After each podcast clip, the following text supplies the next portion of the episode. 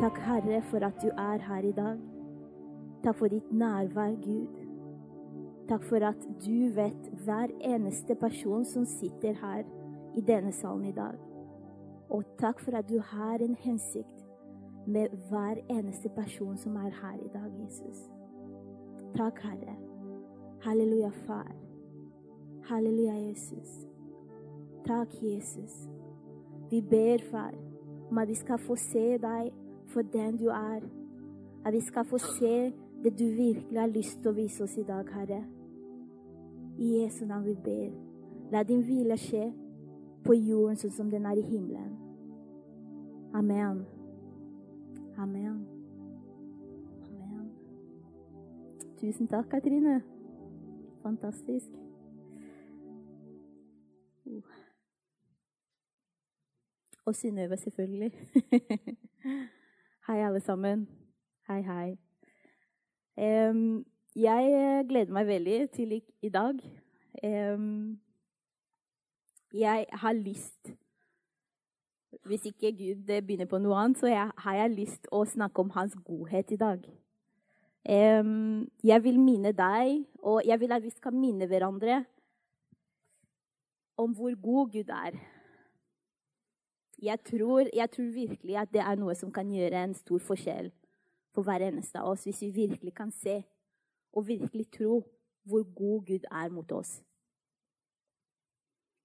Jeg startet året med å lese i klagesangene. Jeg vet ikke hvor mange av dere som har lest i klagesangene, men herlighet er ordentlig sånn tung hebraisk språk. For det, det, skal egentlig være en dikt, liksom sang, sanger. Um, og der begynte jeg året mitt. Og eh, det, det var litt rart, fordi altså For å være ærlig så er klagesangene ikke helt i min radar. Jeg, altså, jeg vet ikke med dere, men det er ikke sånn at jeg sitter og leser klagesangene hver dag. Um, og så har jeg kanskje unngått boka litt, da. Men, um, men det er det som var litt rart, fordi jeg leste klagesangene, og så jeg, jeg har så vidt lest noe annet hele året. Og det må jeg si er bare Den hellige ånd, for å si det sånn. Um, disse versene som vi skal lese i dag det, altså, De fleste av dere har sikkert hørt om de eller lest de før. Sikkert flere ganger. Men um, jeg håper at hvis det her er Hvis du har hørt de før og sett de før, snakket om de før, så håper jeg at uh, i dag uh, Gud minner deg på noe han allerede har talt i ditt liv som du kanskje har glemt. Og så håper jeg at eh, eh, hvis det her er første gang du hører disse versene, at eh, jeg håper at Den hellige ånd tolker de til deg på en måte som bringer deg liv, som bringer deg håp og styrke. For det er det Gud har gitt meg de siste månedene gjennom disse versene. Um, og jeg tror vi bare setter i gang. Vi leser i Klagesangene kapittel 3, vers 19 til 25. Jeg har lyst til å bare gå gjennom disse versene sammen med deg, og så ser vi bare hvor eh, Den hellige ånd leder oss hen. Ok. Klagesangene kapittel 3, vers 19 til 25.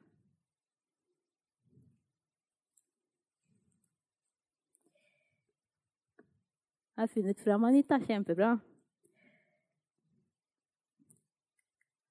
Vers 19. Husk på min elendighet og mitt omflakkende liv, malurten og galen. Altså, jeg leste det først og tenkte jeg øh. Min sjel husker det sannelig ennå og faller sammen i meg. Men dette vil jeg igjen legge meg på hjertet. Derfor håper jeg.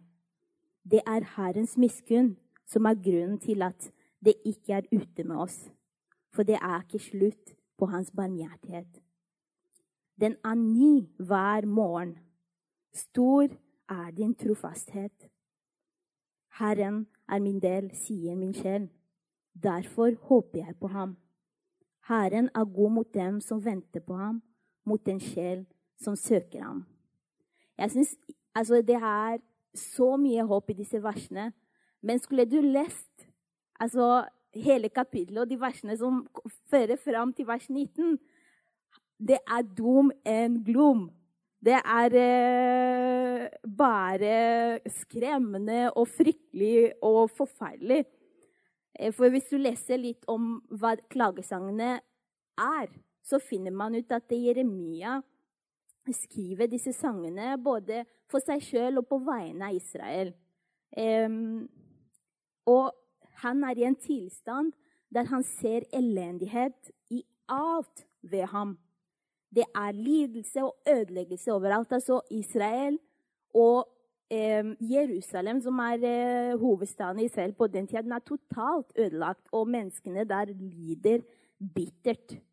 Eh, de sitter rett og slett i sin egen elendighet. Det er liksom det bildet i hvert fall som jeg har fått fram til vi kommer til disse versene. Eh, ja, som sagt, så Jeremia forteller om alt det her. Han bare klager til Gud. Han bare 'Å, det her er ille. det er forferdelig. Gud, hjelp oss.' Og så kommer han til vers 19, da, som vi leste, og han sier, 'Husk min elendighet, min omflakkende liv meg lurten og galen.' Jeg måtte søke det, for jeg skjønte ikke hva han pratet om. Men så sier han eh, Det jeg finner ut at han egentlig sier, er at 'husk min hjemløshet'. Husk min nedstemthet. Husk min tyngsel og fortvilelse, min pinne. Husk min plage. Husk se og husk min sorg, smerte og bekymring. Det er det han kommer til Gud med. Altså, Denne fyren har ikke det bra. Det kan vi høre. Og det har ikke Israel heller. Men han sier det som det er. Og det er det som var så spesielt for meg, fordi han sa det til Gud akkurat som det er. Vi har en tendens til å komme til Gud liksom litt pynta. Vi vet bedre, men vi gjør det likevel. Vi prøver å komme til Gud liksom der eh, godjenta og godgutten og eh, prøver å være litt liksom pynte litt på det vi vet ikke helt er som det skal være. Og, fordi vi er jo ærefri for Gud. Vi ønsker å være respektfulle. Men det er noe i det ved å bare komme til Gud og si ting som det er. Og bare si det er faktisk Helt forferdelig og fryktelig og skremmende. Og det er det Jeremia sier her. Han sier at når han tenker på alt det som foregår rundt ham, så synker sjelen i ham. Han faller sammen. Jeg vet ikke med deg, men jeg, jeg har vært i situasjoner der jeg har følt at nå faller jeg sammen. Men her er tingen. Det å kjenne Gud, det er å kjenne håp. Hans ord helbreder sjelen vår og fører til omvendelse.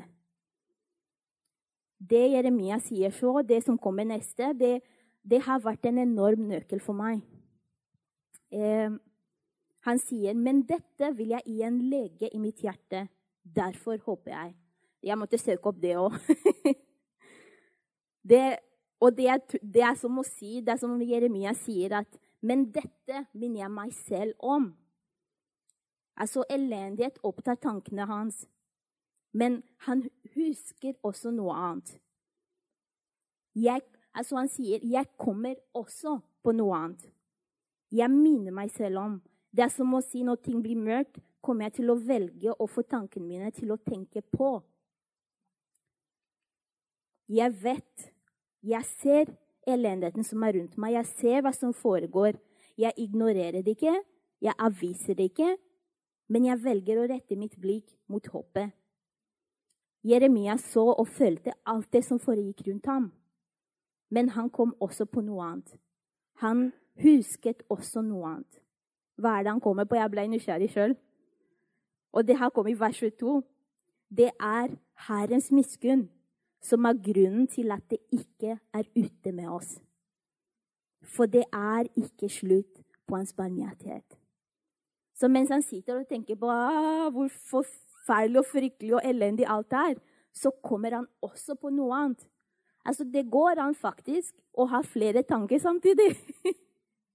og vi kan velge hvilken tanke vi har lyst å ta mest plass i vårt liv. Og det er det Jeremia gjør her. Han velger. Han kommer på noe annet. At det er Herrens miskunn som er grunnen til at det ikke er ute med han. Og det er ikke og det er ikke slutt på Guds barmhjertighet. Herrens miskunn er hans paktskjærlighet, hans storkjærlighet. Det er hans sannhet, hans trofasthet, og det er hans godhet. Jeremia husker noe annet også i all den elendigheten som opptar han. Han kommer også på noe annet, og det er at Guds godhet er grunnen til at det fortsatt er håp. Guds godhet er grunnen til at det fortsatt er håp. Hvorfor det? Altså, jeg bare fortsetter nedover disse versene. Eh, fordi Guds barmhjertighet, hans velvilje, hans tilgivelse, hans vennlighet, hans miskunnhet, hans godhet tar aldri slutt. Det stopper aldri opp. Og i vers 23 så sier han den er ny hver dag. Den er ny hver morgen. Har du tenkt på hva dette betyr? Altså, jeg er så takknemlig for Den hellige ånd, fordi han pressa meg virkelig til å tenke på hva den er ny hver morgen betyr. Har du tenkt på hva det betyr at hans godhet og alt det den omfatter, blir gjort? Hva det betyr at den blir gjort ny hver morgen? Bare for deg. Bare for meg. At du og jeg våkner hver dag, og det er en ny nåde som venter på oss. Hver dag du og jeg våkner, er en helt ny sjanse full av nye muligheter. Jeg syns det er en stor velsignelse at vi ikke bare får ha håp, men vi får leve i håp og med håp. Altså, han avslutter med å si 'Stor er din trofasthet'. Altså, vet du at Det er sånn vi skal be. Vi skal komme til Gud med takksigelse, og vi skal komme til Gud med takknemlighet, og vi skal prise Han. Til og med når alt vi ser rundt oss, er bare dum en glom. Til og med når vi bare ser skremmende, fryktelig forferdelig. Alt er bare Wø. Så er faktisk Gud stor, og hans trofasthet er stor. Her priser Jeremia Gud.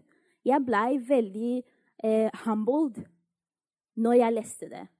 Fordi jeg ikke Altså, leser du det hele kapitlet, så skjønner du hvor ille ting er. Og han sitter rett og slett i gjørme, og han sier til Gud, 'Stor er din trofasthet'. Hvor velsigna er ikke den personen som klarer å se det Jeremia har sett, og fortsatt si, 'Stor er din trofasthet'. I Amplified, noe som jeg anbefaler hvis det er noe du ikke helt skjønner, og jeg anbefaler å prøve å lese litt i Amplified og noen av de versene. Eh, for, på engelsk så, i Amplified så står det Great and beyond measure is your faithfulness. Jeg syns det er litt Det bare bygger litt på det som allerede står der. At Guds storhet, den er umålelig. Den er grenseløs, den er uendelig, og den tar aldri slutt maler ikke et litt sånn større perspektiv for deg. At det er ikke bare stor, men i det ordet 'stor' så omfatter det en grenseløs trofasthet. En uendelig trofasthet. Det tar aldri slutt. Så når Jeremia sitter og han sier 'stor er din trofasthet', så ser han noe mye, mye, mye mer enn bare de ordene han sier ut. Hans trofasthet er grenseløs. Det er uendelig. Det tar aldri slutt. Hva er det som kommer til å skje i ditt hjerte? Hva er det som kommer til å skje i mitt hjerte hvis vi virkelig trodde at Guds trofasthet virkelig tar aldri slutt, og at den er grenseløs? Det er dette vi får våkne opp til hver morgen. Det er dette vi får våkne opp til hver neste dag av vårt liv. Hvor elsket er vi? Hvor elsket er du og jeg? At Gud ikke bare viser oss barmhjertighet og nåde, men han skaper det ny hver dag vi våkner opp.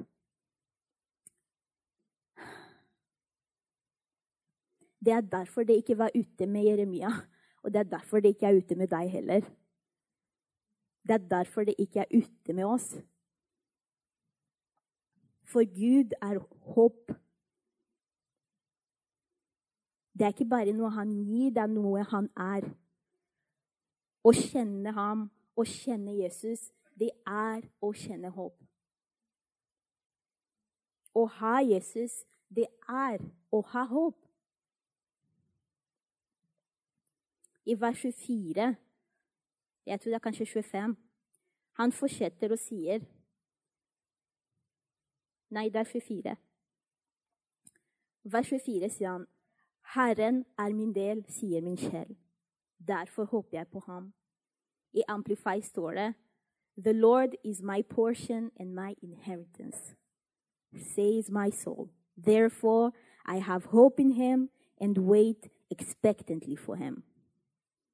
Etter det jeg forstår, så er eh, det hebraiske ord for del, eller min del, det har å gjøre med en rasjon eller en del av noe delt. Og det forstår jeg som arv. Eh, familiearv en, har en stor betydning i dag, men kanskje ikke like mye som den hadde på den tida og i det samfunnet som eh, Jeremia var i når han skrev dette. Så, og jeg tror det fortsatt har en betydning i dag. Vi forstår alle sammen hva arv er. Og når jeg leste i vers 24, forsto jeg det som at Jeremia sa at 'Herren er min del'. Altså, Herren er min arv. En del av min arv. Når noen døper seg på Trønds liv, så spør Runar ofte eh, hvem er Herren i ditt liv. Og svaret er som ofte og encouraging Jesus. Jesus er Herren i mitt liv. Jesus sa, 'Den som har sett meg, har sett Faderen'. Og Jesus er selve veien til Faderen. Ønsker du å kjenne Gud, så trenger du å se og kjenne Jesus. Så det er helt naturlig å si at Jesus er min Herre. Det kan jeg si i dag, fordi jeg vet at han døde for meg på korset. Så Herren i mitt liv er Jesus. Så når, Jeremia, når jeg leste den, at Jeremia skriver 'Herren er min del', det første jeg tenkte på, var 'Jesus er min arv'. Er ikke det kult? Jeg elsker at det er så tydelig og det er så direkte. At Herren er min arv. Han sier at 'derfor håper jeg i ham'. Han er alt jeg har. Og det var sant for Jeremia, for det var faktisk alt han hadde. det, var, det var Herren. Og derfor hadde han håp. Og det, det her er altså flere hundre år før Jesus, men det, for meg så er det like ekte akkurat nå når jeg står her og sier det til dere, at eh, Jesus er vår arv. Det er så stor betydning. Vi her i dag har kommet i relasjon med Gud på grunn av den, på grunn av det, den Jesus er, og det han har gjort for oss. Det er det vi har fått lov å arve. Når vi har ingenting annet, så har vi Jesus. Når vi har ingenting annet, så har vi håpet, som er Jesus. Dette er din og min arv. Det er rasjonen, det er delen av arven vår. Jeg må si det at eh, i disse versene her så ser jeg så tydelig hvor, hvordan Jesus er legemliggjørelsen. Kan jeg si kanskje det er et bedre ord kanskje the embodiment. Legemliggjørelsen. Jeg vet ikke, Gir det en mening? Ja. Eh, å bevise på Guds store kjærlighet. Han er beviset på Guds godhet. Jesus er beviset på hans grenseløse trofasthet. Han er beviset på hans barmhjertighet, hans nåde og hans medfølelse for deg og meg. Altså Hadde ikke Gud vært barmhjertig, hadde ikke han vært grenseløst trofast, hadde han ikke hatt så stor nåde for oss, så hadde vi aldri, aldri fått håpet som er det å kjenne Jesus. Det er bare fordi han er så god. Det er ingenting du og jeg kan ha gjort, det er ingenting vi kan ha vært for å ha fortjent eller fått æren av å kunne leve med Jesus. Det er rett og slett Guds godhet. Jesus han kom på jorda og ble legemliggjørelsen. av den Gud er. Og han er godhet. Han er trofasthet. Han er barmhjertig og nådig. Det er den han er.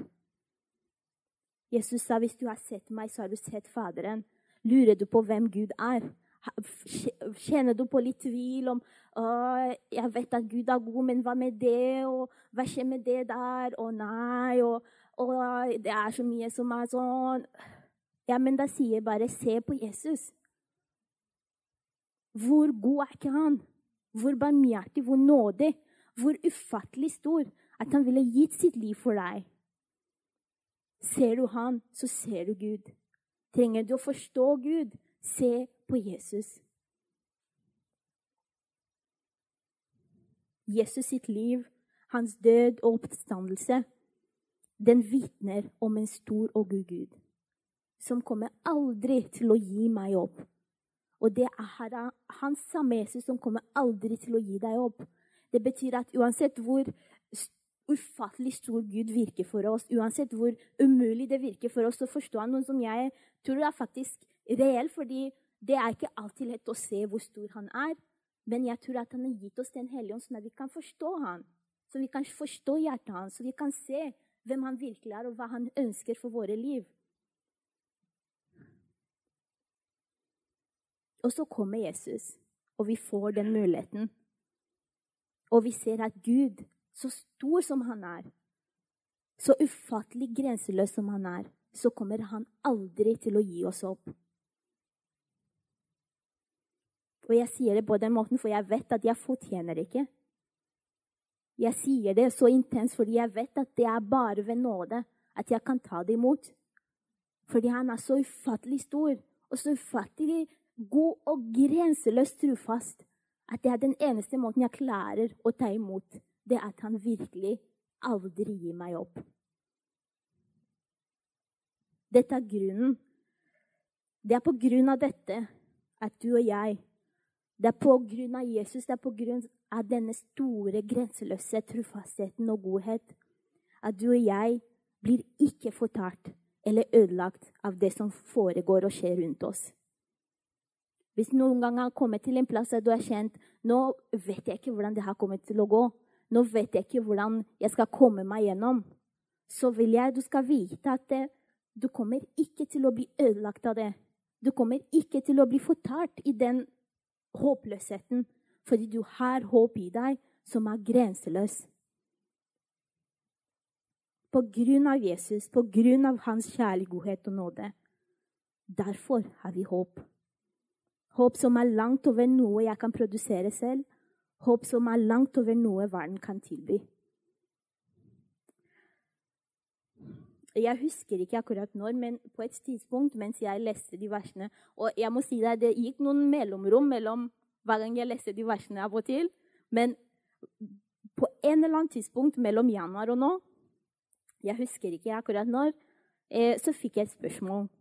Hvor kommer ditt håp fra? Og svaret mitt var rask og selvfølgelig. Jeg vokste opp i en kristen hjem og i en kristen menighet, så svaret mitt var selvfølgelig Jesus. Eh, men så fikk jeg enda et spørsmål. Og, og, spørsmålet var Så hvorfor lever du som om det ikke er tilfellet? Hvorfor lever du som om Jesus ikke er håpet i ditt liv? Hvorfor lever du som om Jesus som om den troa du har om Jesus, er ditt håp. Som om det ikke er reell i alle områder i ditt liv. Det er derfor sånn jeg skjønte spørsmålet. Jeg, helt, jeg var målløs. Jeg sa at altså, det her var en privat bønnetid. Så jeg sa det bare uh, Ja. Jeg hadde ingen svar. Jeg hadde ingen forsvar. Men siden det var i en privat bønnetid, så var det Den hellige ånd som veiledet meg. Og hvor takknemlig er ikke jeg for det? Jeg kom ut av denne samtalen, og det var egentlig flere samtaler. Men jeg kom ut av, ut av disse samtalene med disse tankene.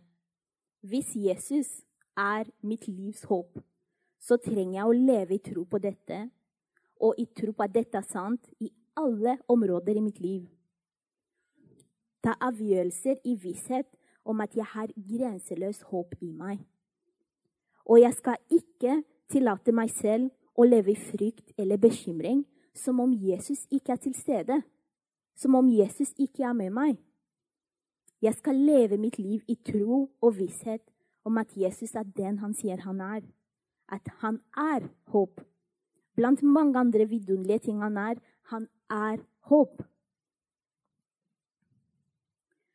I Romerbrevet kapittel 2 vers 4 skriver Paulus Skjønner du ikke at Guds godhet leder deg til omvendelse?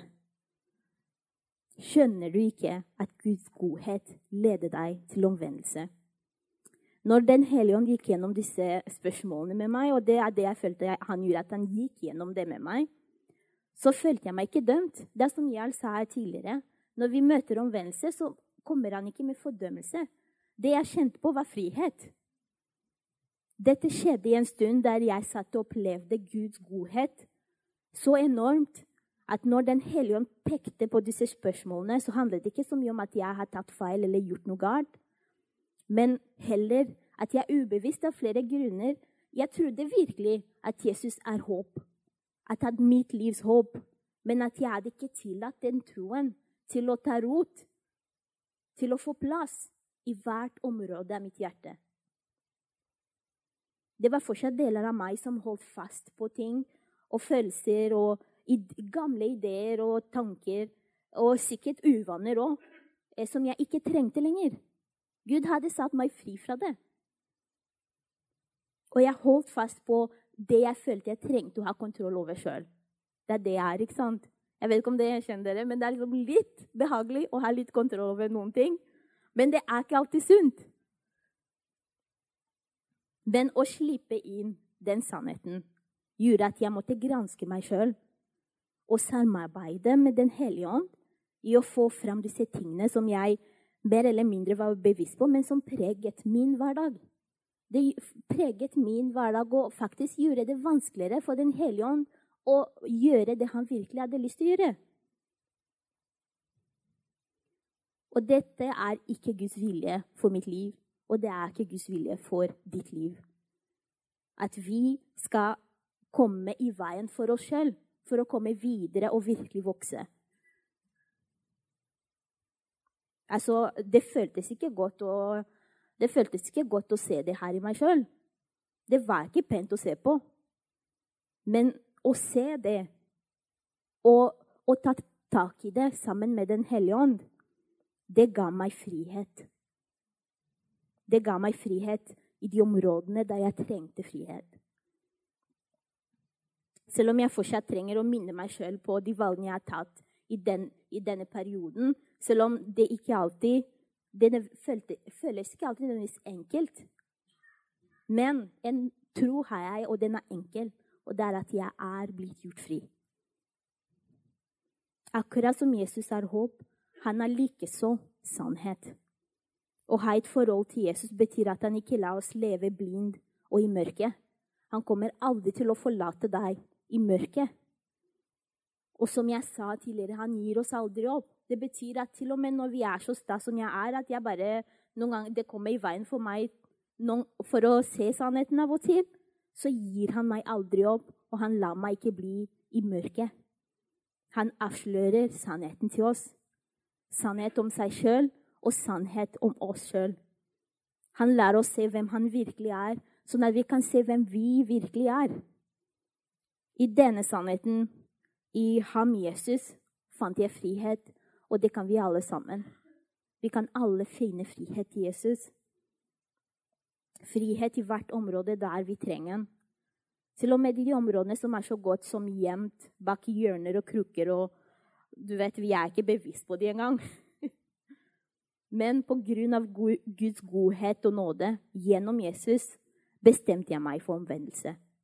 Omvendelse altså Det høres som en sånn stor bibelsk ord, men det, er, det, betyr faktisk så enkelt som det å vende om. Altså Bare jeg var på vei dit, og så snudde jeg meg og begynte å gå den veien. Det er omvendelse. Og det er Den hellige ånd som leder oss til det, og han viser oss hva vi skal gjøre. Det, det jeg sa tidligere i dag, om at vi er helt avhengig av Den hellige ånd for å se, høre og virkelig være det Gud ønsker vi skal være, det er så sant. For det er veldig vanskelig å se sannhet for den den er, uten at Den hellige ånd leder oss fram til det. I dette tilfellet, altså for meg, betydde omvendelse å vende om fra noen avgjørelser som ikke var i tråd med Guds hensikt for mitt liv. Det betydde å la Gud gjøre en forandring i mitt indre. Og det betydde for meg å søke Gud og hans hensikt og vilje i mitt liv. Han, Jeremia fortsetter, og han sier etter det her er vers 25. Ja, vers 25. Herren er god mot dem som venter på ham, mot den sjel som søker ham. Altså, jeg må påpeke at det her skjedde mens jeg, hadde, jeg var en, i, en samtale med Den hellige ånd. Jeg satt i, i min privatrom og hadde min privatstund med Gud. Det er derfor han fikk mulighet til å kunne peke på disse tinga som jeg kanskje ikke så helt sånn som det var. Herren er god mot dem som venter på ham, mot den sjel som søker ham. Søker du ham, så finner du ham. Jesus sa, be, og det skal bli gitt dere. Lett, og dere skal finne. Bank på, og det skal bli åpnet for dere. Hva enn det er vi lurer på, hva enn det er spørsmål vi har, hva enn det er vi ikke vet engang hva vi lurer på. Noen ganger så har vi spørsmål vi ikke skjønner sjøl engang. Men han sier, 'Ber du, så skal du få'. Jesus sier, han sier det direkte at 'lett, så skal du finne'. Bank på, og det skal bli åpnet for deg.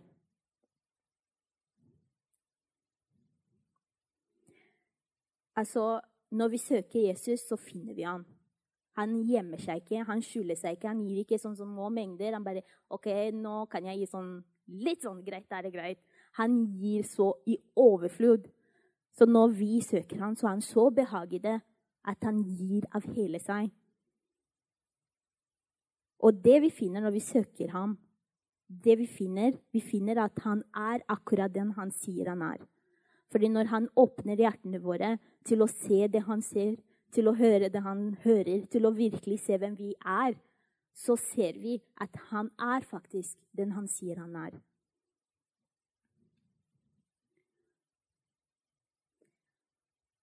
Synnøve, vil du komme opp og spille litt? Jeg vil avslutte med å si at det, det er et spennende liv om vi bare ønsker å ta imot det. Det er liv for deg og meg. Det er håp, det er frelse, det er frihet, det er gjenopprettelse. En ny start. Det er sannhet og så mye mer. Forberedt for deg og for meg hver dag vi våkner opp. Hver dag du åpner øynene dine og er i livet, så er det frihet og, og gjenopprettelse og frelse og håp og sannhet forberedt for bare den dagen du er i livet i dag. Og alt dette finner vi i Jesus. Dette er fordi Gud er kjærlig. Dette er fordi Gud er omsorgsfull, og dette er fordi Gud er god. Alt han har gjort tilgjengelig for oss hver dag, det er enormt. Alt han har gjort tilgjengelig for akkurat denne dagen, det er enormt. Det er ubeskrivelig. Hvis vi velger å ta imot denne gaven, hvis vi velger å ta imot det han har gitt oss, hvis vi velger å ta imot det livet vi lever med Jesus, og de dagene vi har med han, la oss ikke sløse det bort. La oss ikke kaste det bort. For jeg tror virkelig at det er det største miraklet du og jeg kommer til å oppleve noen gang.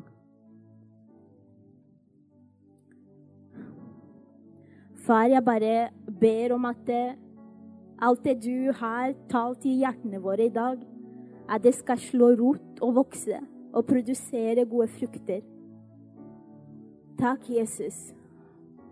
Takk for din godhet, at du er så enormt og så kjærlig og, og trofast at du bare Du bare gir alt det du har gitt til oss, og velsigner oss så enormt.